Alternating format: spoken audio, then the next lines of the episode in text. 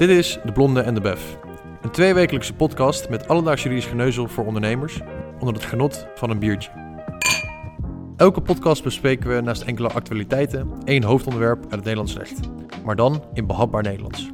In De Blonde en de Bef gaan we het gesprek aan met een advocaat binnen het hoofdonderwerp van de aflevering. Door middel van een dialoog tussen een ondernemer en een advocaat proberen we alle perspectieven zo goed mogelijk te belichten. Naar een initiatief van Hallolex en VRT Advocaten om het recht weer een stuk toegankelijker te maken. Welkom bij eh, weer een nieuwe aflevering eh, van de Blonde en de Bev. Uh, vandaag weer met Stefan de Beer. Stefan, welkom. Dank je. Mijn naam is Bas van der Werf. Ik ben van Hallolex. En dus zoals gezegd zit ik vandaag met Stefan de Beer. Ik was advocaat bij VRT Advocaten. Um, en in de vorige podcast hebben we het gehad over überhaupt uh, ja, een stukje debiteurenbeheer eigenlijk kunnen we wel zeggen. Ja. Goh, wat gebeurt er als, er, als ik een, een, klant heb die niet betaalt en dus debiteur wordt? En hoe pak dat aan?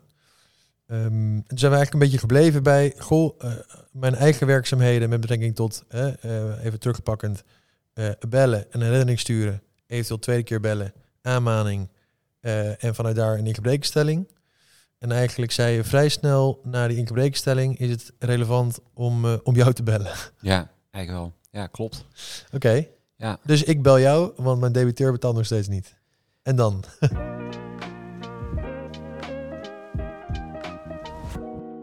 Ja, dan uh, wordt het super ongezellig hè, als je mij aan de telefoon krijgt. Dat, dat weet je toch, dat weet ik uh, niet. Bas?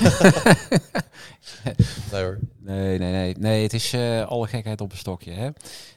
dat vergat ik in mijn vorige podcast nog te zeggen. Wel goed om hier te melden. Die vraag krijgen als advocaat heel vaak. Mensen die hebben echt de indruk dat advocaat, een incassoadvocaat, enorme vorderingen alleen behandelt. En dat ze voor de rest mij niet kunnen inschakelen. Ik, ik behandel vorderingen van 50 euro tot een miljoen. En uh, dat wil ik ook even gezegd hebben, is al wel belangrijk, omdat ik die ja, vraag in de praktijk veel krijg. Ja. Dus ook aan die telefoon, dus ook in het eerste gesprek wat jij aangeeft, hè, wat gebeurt er dan? Nou, dan krijg je natuurlijk ook dat soort vragen, want in, in, in advocaat, dat klinkt allemaal zo duur en uh, nou, uh, dat valt krijg, allemaal best wel mee. een rekening waarmee met de voorkort wordt geschreven ja, van... Ja, en dat eerste telefoongesprek verkennend, daar loopt de, de teller al mee en voor je het weet heb je rekening van 1000 euro, maar zo is het, zo is het niet. Hm als uh, een, uh, een, klant mij belt en ik, uh, ja, ik leg uit hoe, hoe, hoe, wij te werk gaan, dan, dan komt die zaak bij ons. Um, wat er praktisch gebeurt is, wij maken natuurlijk een account aan voor die bewuste klant. Die krijgt inloggegevens voor ons incassoportaal. Dan kun je 24-7 je, al je incassozaken indienen. gratis en voor niks. En volgen, dat is nog mm -hmm. veel belangrijker je kunt zien wat wij uitspoken in jouw uh, dossiers. Vooral nieuwe klanten die stellen dat zeer op prijs. Ja. um, uh, je ziet memo's, telefoonnotities. Uh, maar wat is dan een beetje de procedure in die zin vanuit jouw kant? dus meer ja. gewoon even hoog over. Ik bel jou, goh, Stefan, luister. Um, ik heb een debiteur en ook na ingebrekenstelling krijg ik geen gehoor. Ja, nou, wij, wij starten een kassozaak op waarbij wij wat we in de vorige podcast bespraken, de, de, de hoofdsom, hè, dus de factuur verhogen met die rente en de kassenkosten, ofwel uit je algemene voorwaarden, ofwel op grond van de Nederlandse wet. En er gaat een, uh, een, een, sommatie uit, een schriftelijke sommatie vanuit ons kantoor. Met een uh, betalingstermijn van vijf dagen, maar dan met een duidelijke datum natuurlijk. Iets minder vriendelijk dan dringend. Iets minder vriendelijk, maar toch wel, ja, dat is een, ik vind hem al vrij, vrij, vrij vriendelijk. Okay. Um, wordt daar niet op betaald, dan komt die zaak op mijn agenda. Gaan we bellen. Gaan we debiteur bellen. Kijken waarom er niet uh, betaald is. En heel vaak uh, komt er dan een verhaal. Of debiteur schaamt zich. Wordt een regeling getroffen. Dus dat is echt heel vaak, als er al niet betaald op die eerste formatie, de vervolgstap. Nou, als een regeling wordt getroffen is duidelijk. Gaan we die regeling treffen. Maximaal tien weken is ons uh, uitgangspunt. Maar ja, ook dat. Maar ook weer in overleg met de klant? Altijd, ja, in overleg met de klant, behalve als het tien weken is. Dat, uh, hè, de meeste klanten die hoeven daar niet uh, een overleg over. Nee. Maar zeker nieuwe klanten, absoluut. Die neem ik helemaal mee in dat traject. En of ja. ze dat wel willen. Hetzelfde heeft die klant al regelingen getroffen. Moeten we dat zeker niet over gaan doen. We moeten wel toegevoegde waarde bieden. Wordt er op die eerste formatie niet betaald, hè, dan volgt een belletje vanuit mij of vanuit iemand anders uh, van de incassopraktijk. Heel vriendelijk. Hè, mensen denken dat wij de hele dag oorlog aan het voeren zijn, maar dat is gelukkig niet zo. Zo erg Er is het niet. eh, heel wat debiteuren, dat is wel grappig om te vertellen, die ook klant worden bij, eh, bij VDT. Want die hebben zelf vaak ook debiteuren. Hè. Het zijn allemaal ondernemers. Bus- Business to business in Casso doen wij. En dat is wel een leuk compliment, vind ik altijd. Ehm, maar er zijn natuurlijk ook die eh, helemaal niets eh, doen. En dan gaan we eh, ook naar dat belletje als er niks uitkomt. Sturen we tweede sommatie.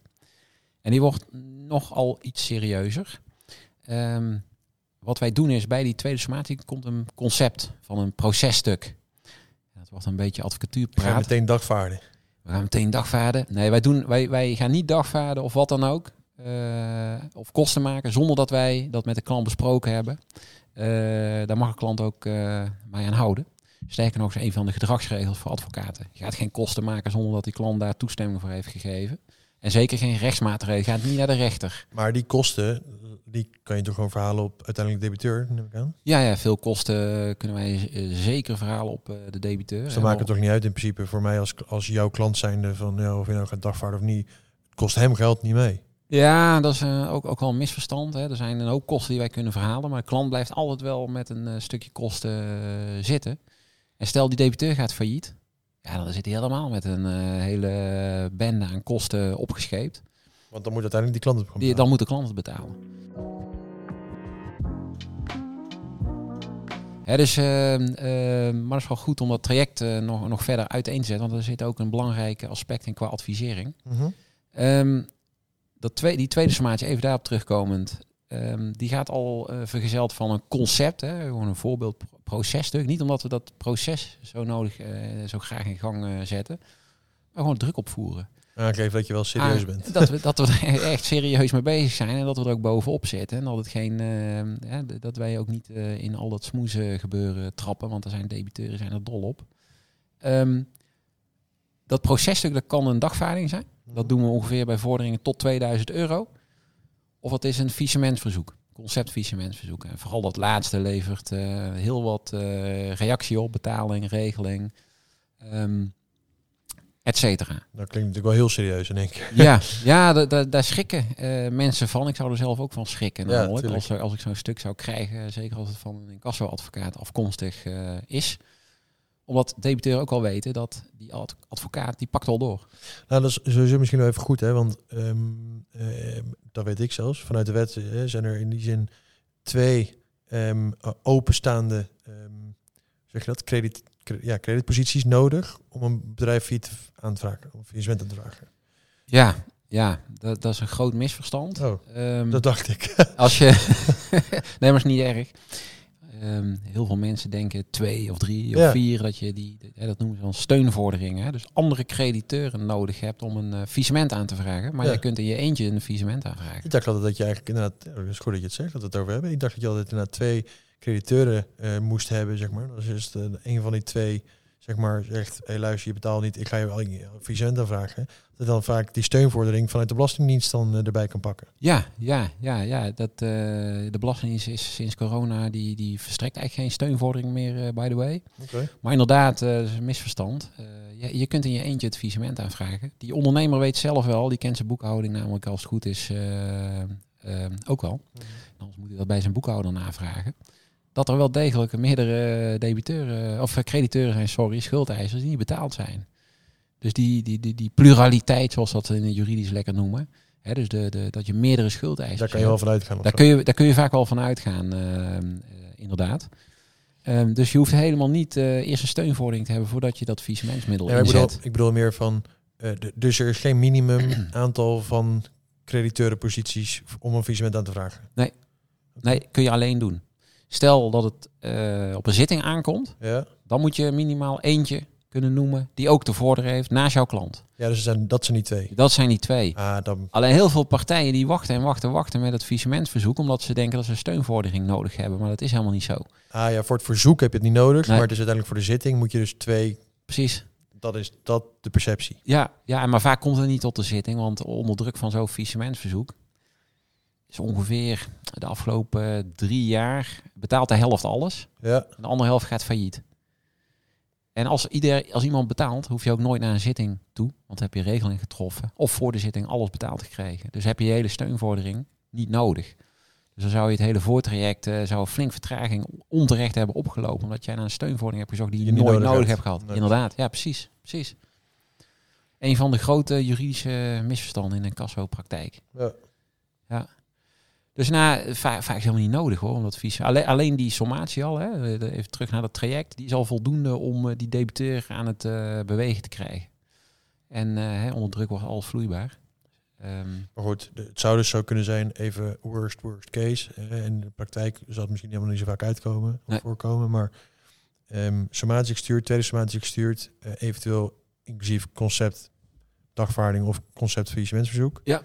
Um, en daar wordt niet op gereageerd. Ja, en dan komen we inderdaad, en dat is wel een belangrijk uh, stukje, en daar schakel je ook een incasso advocaat uh, voor in, en niet een uh, incasso bureau. adviseren. Hè, en ook niet in elke zaak maar adviseren om te gaan procederen, maar integer adviseren. En daarmee bedoel ik geen kosten maken als je weet dat het helemaal geen uh, s'nachts gaat opleveren voor die klant. Nee. De VDT levert het altijd wel iets op, namelijk als het niet verhaald wordt, wat, wat je net ook terecht aangaf, uh, of waar we net over hadden, dan moet de klant de kosten betalen. Ja, dus dat is wel een bewust, moet een bewust risico zijn, zeg maar. Ja, het moet, uh, ik, ik zeg altijd, als de kans beneden gemiddeld is, kan natuurlijk nooit een exact percentage geven dat er iets betaald wordt. Dan zegt hey, die klant, boek maar af, die vordering. En is het altijd nog aan de klant om toch door te pakken. Hè? Maar dan heb ik in ieder geval gewaarschuwd op een integere wijze dat het waarschijnlijk niks gaat opleveren. alleen maar extra kosten. Dat er een kans is dat het kosten met zich mee Ja, en wie wordt daar beter van? Is advocaat. Maar zo zijn wij niet, uh, gelukkig. Niet allemaal. Niet allemaal. ik niet. Ik niet. um, dat gezegd hebben, ik doe dus altijd een, uh, echt een, een, een, gedegen onderzoek naar de kans van slagen. Dus naar, de, naar die debiteur, wat is dat voor een uh, club? Maar dus wel echt pas na dat stadium? Ja, ja. Ja. het is niet zo dat wij... Uh, Meteen als je er eentje binnenkrijgt, dat je nee, hoor. door de molen haalt. Soms krijg je er een binnen en dan ken ik hem al. En dan weet ik al, oh, die heeft al drie keer eerder betaald. Deze, die incasseren wij waarschijnlijk ook binnen een week. Maar we gaan pas uh, daar tijd in uh, verliezen eigenlijk onderzoek snel afgerond. Maar het is een beetje zonde als die incassozaak een nieuwe zaak blijft liggen, omdat je eerst onderzoek doet naar zo'n debiteur. Ja. We vragen KVK op om de juiste gegevens te hebben, de juiste e-mailadressen, en uh, zodat we de, zoveel mogelijk die, die club kunnen bestoken tot betaling. Maar pas bij die advisering, hè, dus er komt helemaal niets los op, op basis van uh, onze acties, gaan we die debiteur checken. Wat zit daar voor bestuurder achter? Uh, is er sprake van vermogen? Is er onroerend goed? We, werken ook samen met een verhaalsbureau dat langs gaat bij zo'n debiteur. Als ik er echt geen stok achter krijg. En, is dat deurwaarder? Nee, dat is, eh, die, dat is geen deurwaarder, dat is ook geen incassobureau. Het is puur een uh, bedrijf dat uh, debiteurenbezoeken aflegt. Met een enorme honkbalknuppel uh, gaan ze dan langs. Dat is pas leuk werk. Ja, nee, dus de, nee, dat is echt zo'n slecht beeld van incassopraktijk. Dat gaat op een ontzettend vriendelijke manier. Oh, dat geloof ik meteen, ja. En, want anders zou ik, ze, anders zou ik ook niet mee samenwerken natuurlijk. Um, maar er komt echt ontzettend waardevolle info uh, op terug. Ja. Als de debiteur al niet betaalt, want het komt enorm dichtbij. Hè? Als er een, uh, iemand voor je deur staat die je even vraagt van joh, hoe zit dat? En uh, al zei het op een vriendelijke manier, het is toch, papier is geduldig, maar er staat ineens iemand voor, voor, me, voor mijn deur. dit is echt serieus. Um, nou, dat rapport kan ik uh, gebruiken bij mijn advisering richting de klant. En daar kunnen allerlei dingen uitkomen uit zo'n onderzoek. Als ik zie dat, die, uh, dat er een, uh, een, bestuurder, dat hij al bij tien faillissementen betrokken is geweest, ja, dat, dat, maak ik ook wel eens mee. Ja, dan ga ik die klant niet adviseren om daar nog kosten op te maken. Want ja, je weet al waar het, waar het heen gaat. Hè. De, natuurlijk, alles is maatwerk, maar... Dan zegt waarschijnlijk de DGA zelf, goh, laat het faillissement maar aanvragen ja. en dan is het klaar. Ja, laat dat de beer maar doen uit Tilburg. Dan hoeven wij het zelf niet te doen. En dan gaan wij vrolijk uh, met een nieuwe BV verder. Want ja, zo, dat, die, die, boeven heb je erbij uh, zitten. Um, dan ga ik mijn klant natuurlijk niet op kosten jagen. Dat het voelt niet goed. Nee. Uh, daar kun je ook niet op scoren. Nou goed, het is goed om te weten dat daar dus een soort van afwikkeling wordt gemaakt. En dan kan het natuurlijk altijd zijn hè, dat op het moment dat die dagvaarding er wel komt, de klant zegt van goh, ik wil wel dagvaarding, ik wil doorpakken. Ja. ja. Um, dan zal er op een gegeven moment een soort van zitting komen. Ja. Um, en dan natuurlijk een vonnis. En dan een vonnis, ja. Gebeurt het ook wel eens in de praktijk eigenlijk dat dan tijdens je zitting de incasso wordt tegengesproken? Dat kan het, eigenlijk toch niet als er het, een soort van uh, vertekende opdrachtbevestiging of opdrachtovereenkomst ten, ten grondslag ligt? Er zijn, het komt ja, de laatste tijd in mijn praktijk komt het niet zo heel veel voor dat ze tijdens een uh, procedure alsnog met een of ander uh, verhaal komen waarom ze dan niet zouden hoeven te betalen. En waarom? Wij proberen dat in het voortraject, dus in, de, in dat sommatietraject, helemaal dicht te timmeren. Ja. dus uit te schakelen inderdaad, dat, dat, dat verweer te, te elimineren.